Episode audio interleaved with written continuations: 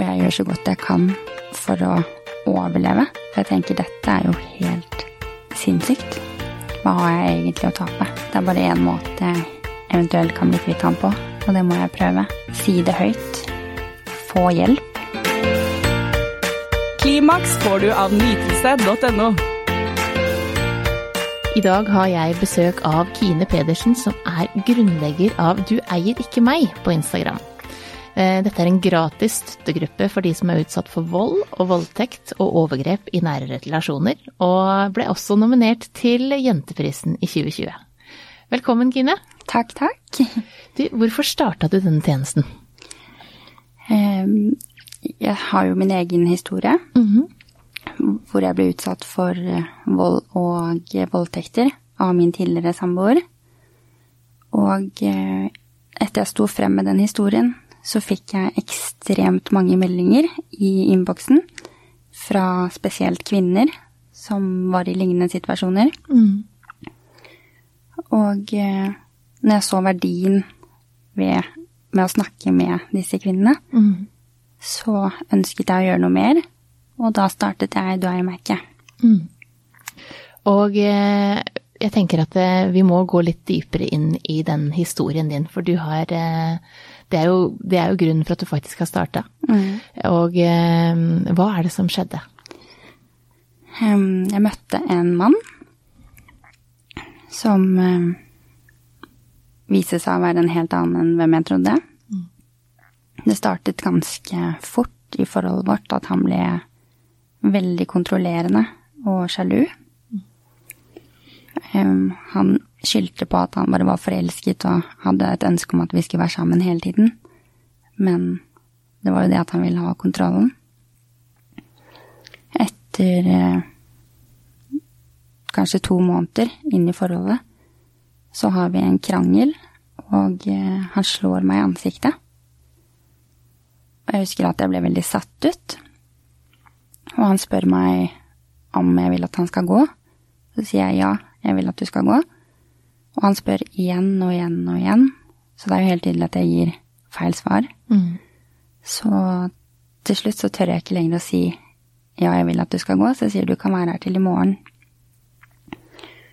Og eh, når han da drar på jobb, så har jeg en plan om at når han er ferdig på jobb og kommer tilbake på besøk, da, da er det slutt. Mm.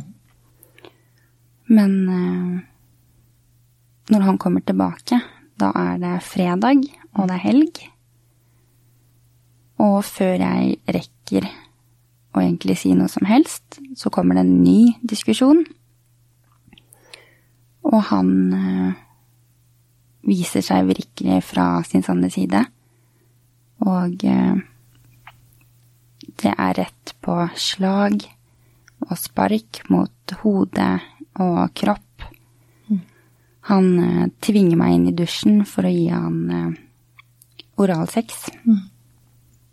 Og eh, jeg må stå foran han mens han sitter på en stol, og hoppe eh, med armer og føtter ut i takt i timevis for at han skal få kontroll over situasjonen.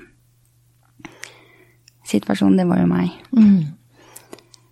Um, og jeg gjør så godt jeg kan for å overleve. Mm. For jeg tenker dette er jo helt sinnssykt. Ja. Og eh, hele helgen, den fortsetter sånn. Og eh,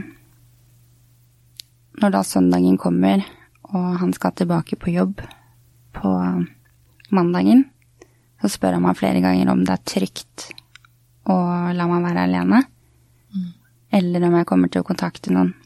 Og han forteller meg hva som vil skje hvis jeg kontakter noen. Um, at han skal voldta lillesøsteren min foran øynene mine mens jeg er fastbundet i en stol.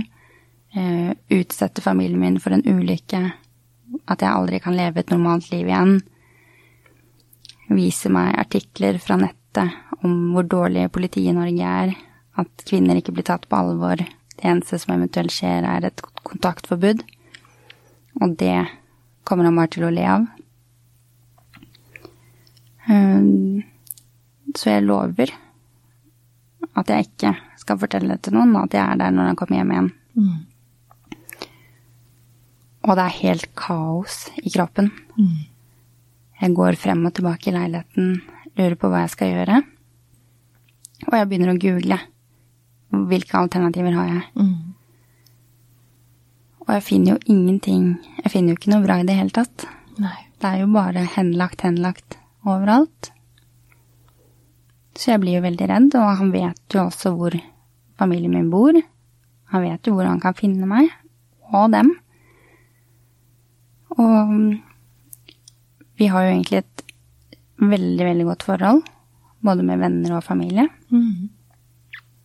Men det var vel nettopp derfor han truet med dem òg, fordi han visste at det, det ville gjøre Det det vanskelig for meg. Mm. Mm. Så mm, jeg ble jo i det forholdet i ett og et halvt år. Etter denne hendelsen. Mm. Ehm, og det var daglig vold.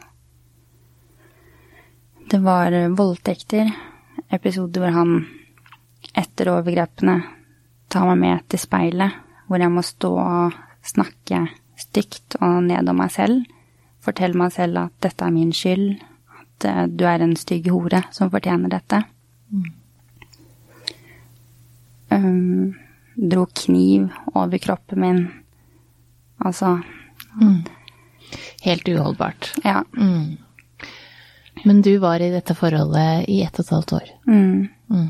Og dette er det ganske mange som opplever daglig. ja. Mm. For du eh, driver jo denne siden og blir kontakta av ganske mange. Mm, Eh, er det mange med lignende historier? det er det. Eh, Det er mange som er i disse forholdene akkurat nå. Mm. Og eh, flere av dem har laget seg falske profiler Mm. på Instagram f.eks. Hvor de sender meg en melding og eh, lurer på om jeg kan hjelpe dem med å gå til politiet. Eller om jeg kan kontakte krisesenter for dem. Om jeg kan hjelpe dem med å skaffe en advokat som kan bistå. Ehm, Så har de jo mye spørsmål rundt prosessen.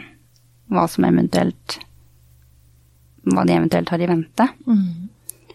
Og eh, flere av dem ønsker å sende inn deler av sin historie, hvor jeg sender det videre til en advokat, Mm. som kan gi dem et svar på hvor gode bevis de har i saken. Mm. Og da er jo spørsmålet alltid om skal jeg anmelde eller ikke. Mm. Og det anbefaler jeg jo alltid å gjøre, Mm. uansett hvilke bevis man har og ikke. Jeg tenker det har veldig mye å si for bearbeidelsen videre. Og jeg har også laget en spørreundersøkelse på siden min flere ganger om, eh, om det er noen som angrer på at de har anmeldt. Og hva svarer folk da? Nei. Nei, det er ingen som angrer på det. Nei. Det er mange som angrer idet de står i det, fordi det er så tøft. Mm. For det er jo mange som venter både 10 og 20 år før de faktisk åpner opp om noen ting Ja. som har skjedd som ikke har sagt til en eneste, et eneste menneske. Det er det det er. Eh, Men hvordan, eh, etter ett og et halvt år, hva var det som gjorde at du klarte å komme deg ut av det? Um, Jeg ble lagt inn på sykehuset med store magesmerter. Og da Han oppsøkte meg der flere ganger. Og den siste gangen han kom, så um, dro han meg med inn på toalettet på sykehuset. Og uh, voldtok meg der På sykehuset. på sykehuset. Og han hadde virkelig vist meg at det var ingen steder jeg kunne være trygg. Mm. Um, og jeg tenkte at nå må du bare ta sjansen. Så jeg ringte til en kamerat og eh, forklarte hva jeg slet med. Og eh, sa at jeg, nå trenger jeg hjelp, fordi dette tror jeg ikke klarer alene. Og så sier han at du må ringe til sykehuset og si fra hva du har blitt utsatt for. For jeg gjemte meg. Mm. Og eh, han legger da på, for jeg nekter jo å fortelle dette til noen. Så han ringer sykehuset og forteller at dere har en pasient som har gjemt seg, og eh, dere må finne henne fordi hun trenger hjelp. Mm. Så de stenger avdelingen for besøk, og finner meg. Og eh, jeg får snakket litt om det for første gang. Og eh, Bra.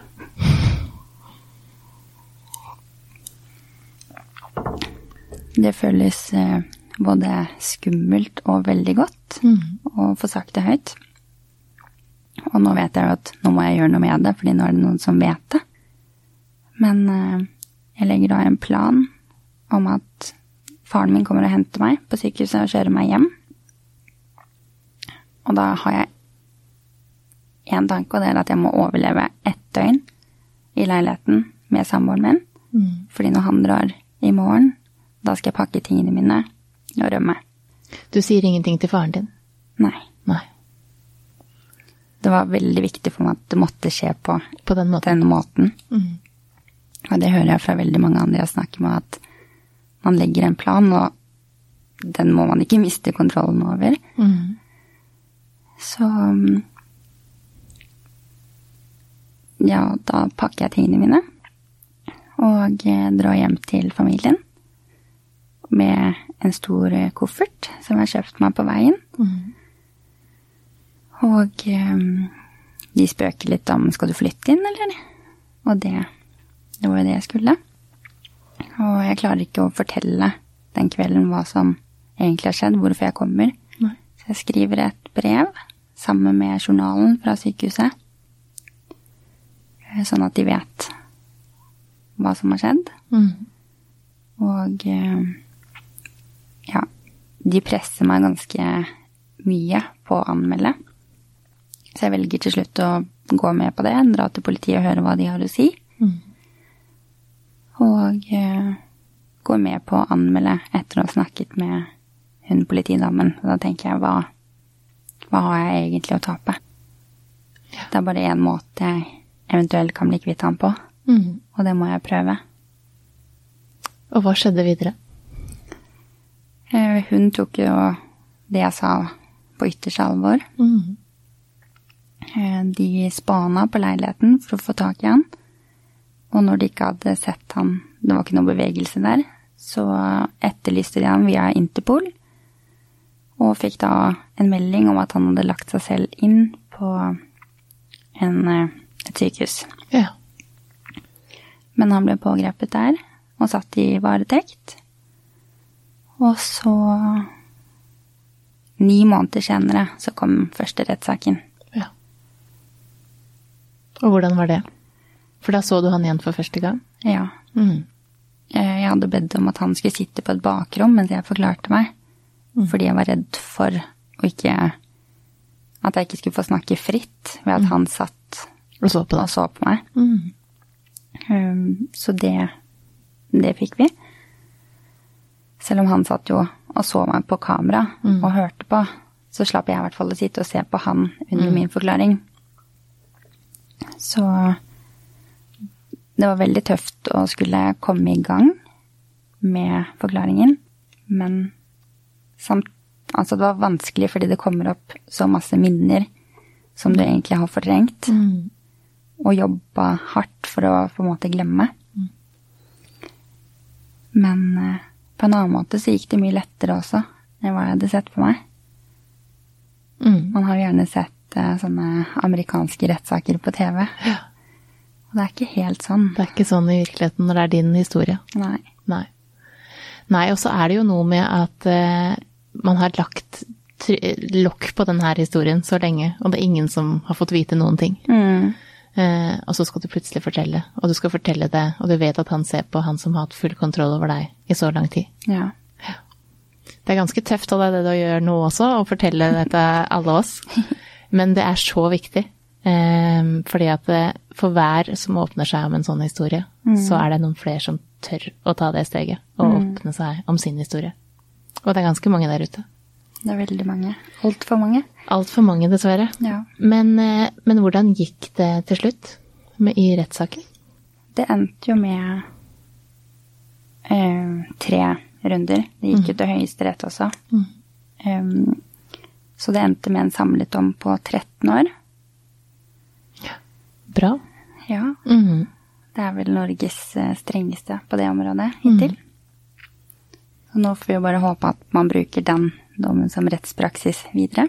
At man tør å bruke de lovene vi faktisk har. Ja. Absolutt. Og det også gjør jo at flere tør å åpne seg.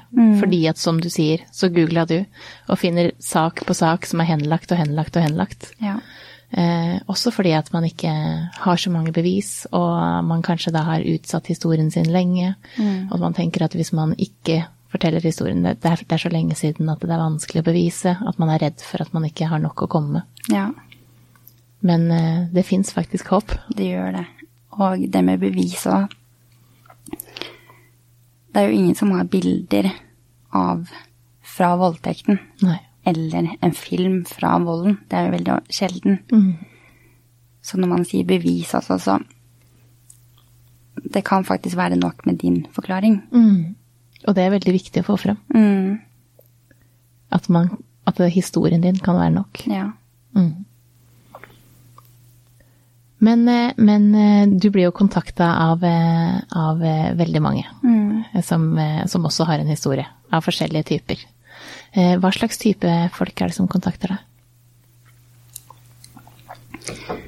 Det er veldig mange forskjellige mennesker. Spesielt kvinner. Egentlig i alle aldre. Det kan være en jente på 14 år som har blitt utsatt for eh, overgrep på en fest. Det kan være en eh, 30 år gammel kvinne som lever med en voldelig samboer. De kan ha barn sammen. Det er eh, kvinner som har levd med voldelige partnere i over 20 år, og endelig har bestemt seg for at nå, nå må jeg få hjelp. Ja. Mm. Og eh, de ønsker jo da hjelp enten til anmeldelse og at jeg kan støtte dem i en rettssak. De trenger en advokat, de trenger en psykolog, og eh, de vil gjerne at vi skal ha samtaler sammen, sånn at de kan snakke med noen som har de samme erfaringene. Ja, for det er jo noe med det at man kan snakke med noen som har opplevd det samme, og, man, og som man kan relatere til. Ikke bare noen som forteller noe, men som faktisk har vært igjennom det. Ja. Så det er jo veldig fint at de har muligheten til å kontakte deg. Um, men hva er det Hva du tenker at det, man kan gjøre Altså, dette her, er, dette her skjer jo hele tida, hver dag. Hva skal vi gjøre for å forandre det? Vanskelig spørsmål. Ja. Um, jeg tenker i hvert fall at vi må snakke mer om det, og få det opp. Og eh, jeg tenker om politiet, mm. at de må være mer på. Politikerne. Det må en endring til. Nå så jeg en eh, dom her om dagen hvor eh, det hadde vært straffeformidlende at eh, kona hans hadde vært utro. ja. Så da var det greit at han utførte vold, Vold. mot henne. Ja. Så det synet man har på dette er jo ikke greit i det hele tatt. Nei, absolutt ikke. Nei, og man kaller det husbråk Ja. og litt krangling i hjemmet. Ja. Det er så mye mer enn det. Ja, for krangling i hjemmet er ikke hvem som er, skal ta oppvaska, som dette her er snakk om. Nei. Nei, det er det absolutt ikke. Nei. Eh, og eh, hvor eh, Altså, eh, hva er det som gjør at man klarer å komme seg ut av en sånn relasjon? Så man eh, For det, det blir jo til slutt liksom en vane.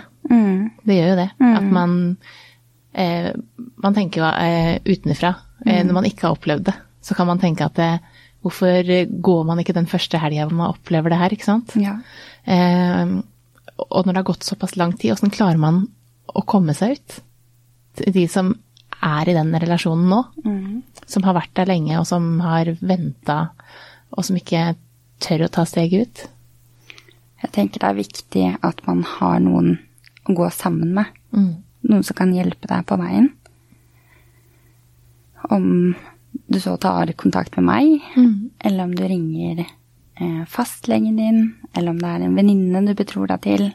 Uansett hvem det er. At du får sagt det til noen, sånn at noen kan hjelpe deg. Mm. Og at du har noen å sparre med. Og ikke Underveis. sitter alene med historien din, for Ja. den, den fins i så mange forskjellige former. Den gjør det. Eh, og den til alle slags relasjoner. Det kan være, det kan være foreldre, det kan være barn mot foreldre som er, eh, som er eh, når de er voksne. Ja. Det kan være i forhold, det kan være venner, det kan være rundt et hushjørne. Mm. Så det kan være absolutt alle, da. Det er akkurat det. Mm. Så, eh, og det å, å klare å tørre å ta det steget ut, for det er ganske mange som har en lik historie som deg, og det gjelder ofte nesten uansett problem man har. Mm. Så fins det ganske mange som har det samme problemet, men man tenker at sitt, dette her er bare meg. Det er nettopp det. Men hvordan eh, lever du videre etter det her? Hvordan er livet etter man har opplevd noe sånt? Og åssen klarer man å få nye forhold? Mm. Og åpne seg til å, stole på noen andre? Ja. Eh, Jeg gikk jo i behandling underveis. Mm. Jeg mistet eh, hun terapeuten min rett før den siste rettssaken. Eh, Og etter det har jeg egentlig ikke gått noe særlig i behandling. Men eh, jeg har jo jobbet mye med det ved å snakke med andre om det. Mm. Og det har gitt meg en ny mening med livet, rett og slett. Mm. Det at jeg kan bruke det vonde nå til noe godt. Mm. Det har hjulpet veldig, veldig mye for meg. Mm. Eh, Så tenker jeg at det kommer perioder som ikke er like lette. Mm. Hvor det er vanskelig kanskje med søvn, mye triggere. Og at man må ta de kampene underveis også, når de kommer. Mm. Jobbe med den uroen. Mm. Og når du kommer til å stole på noen igjen, så tenker jeg det er veldig, veldig viktig at den du møter, har tålmodighet. At du er ærlig, om du ikke forteller hele historien din, så at han i hvert fall vet litt. Mm.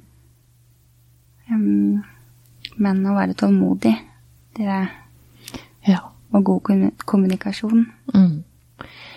God kommunikasjon er nøkkelen til det meste. Ja, det er det. Men eh, ofte så er det også sånn at man faller tilbake fordi at man Dette her har man kanskje levd i lenge, kanskje noen har levd i det i, i 20 år. Eh, så møter man en samme type. Eh, kan møte fordi at det, selv om det har vært forferdelig, Ja. så er det også det som er det som man er vant til, og det mønsteret man har. Mm. Så man kanskje eh, har jo fått inn spørsmål fra flere som sier at det, jeg møter bare sånne folk. Ja, ikke sant. Eh, fordi at det også er det vante. Mm. Så det å bryte ut av mønsteret sitt, det er ikke, det er ikke så lett. Nei. Og det da man tør å åpne seg, så kanskje det er da en, en, en ny, en ny eh, situasjon som ikke er greit. Ja. Så det er ikke så lett å, å, å, komme seg ut eller videre også, fordi det, det vil dukke opp ting. Det vil dukke opp triggere, som du sier, som når du er i en situasjon som kan ligne, eller helt andre ting som ikke ligner i det hele tatt, men som gjør at det trigger frykten. For ja. det, det er jo et posttraumatisk stress Ja. som, eh, fordi at man blir trua på livet. Mm. Eh, Du er redd for ditt eget liv. Det gjør noe med deg. Mm, det gjør det. Mm.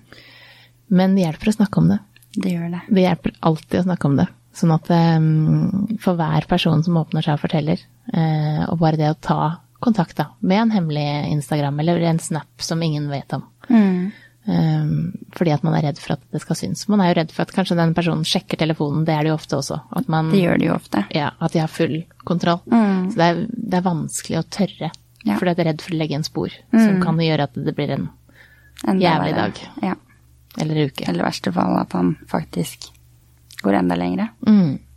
Og det har vi jo sett ganske mange eksempler på opp igjennom, og det bør ikke være forhold, det kan være ekser. Altså at det er noen som ikke tåler at det, det ikke er, eh, har full kontroll. Mm. Så Men hvordan klarer du å stole på noen igjen? Det var eh, veldig vanskelig i, med første gangen jeg skulle stole på noen. Mm. Det var eh, absolutt ikke lett. Nei. Og eh, da merka jeg også For da hadde jeg jo levd lenge alene, og jeg hadde vært veldig opptatt av å ta tilbake Kine. Mm. Og bare være meg og leve sånn som jeg ønsker å leve. Mm. Og når jeg da skulle møte noen og være intim med noen, da merket jeg jo også hvor mye jeg egentlig hadde å jobbe med. Mm. Men uh, denne personen uh, Jeg var ganske ærlig, sånn at uh, Du visste hva som hadde jeg skjedd? visste hva som hadde skjedd, Mm. og tok derfor de hensynene som jeg trengte. Og eh, etter hvert så ble det enklere og enklere. Og så måtte jeg rett og slett tillate meg selv også Mm. å stole på han. Mm. Og tørre å ta den sjansen. For det fins ganske mange bra der ute òg. Det gjør det. Ja. Og jeg har eh, hatt eh, mange forskjellige episoder hvor det er sånn Man tenker at det, det At man må godta så mye, men det er faktisk ganske mange bra. De fleste er bra. De er det. Sånn at, eh, og vil deg eh, godt å vente på det man måtte trenge, enten man har vært gjennom overgrep, eller om man har vært gjennom en fødsel, eller om det er endometriose, eller hva man måtte slite med, så er de ganske eh, tålmodige, altså. Ja. Så det fins andre muligheter, og fine folk. ja. Ja. Og det fortjener alle. Alle fortjener det. Ja.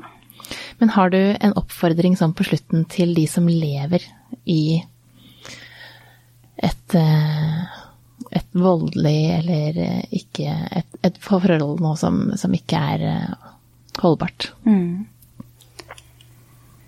Altså min oppfordring er jo å snakke med noen. Mm. Uansett hvem det er.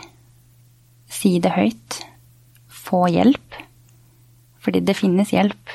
Og eh, jeg vet at veldig mange er redd for å si det fordi at man kanskje ikke har lyst til å anmelde. Og at det jo kan være et hinder. Men nå er det jo sånn at hvis du tar kontakt med helsepersonell f.eks., så har jo alle taushetsplikt. Mm. Så det er ingen som vil gjøre det mot din vilje. Nei. Ehm, Så kan du selvfølgelig ta kontakt med meg på Dueimerket. Mm. Den bør alle følge på Instagram. Ja. Så skal vi finne en vei sammen der. ja. Og så hjelper det, tenker jeg også, å bare si det høyt til seg selv også, hva som har skjedd. Ja. første gangen før du sier det til noen, og syns det er vanskelig. For man er kanskje redd for å bryte sammen, eller altså man, åssen kommer det her ut? Ja. Men si det, øv deg i speilet når du er alene. Skriv et brev, sånn Ja. som jeg gjorde. Og skrive det ned også, det er en terapiform det også. Å Det er det. skrive det Ja. som har skjedd. En veldig god terapiform også. Mm. Klimaks fikk du av nytelse.no.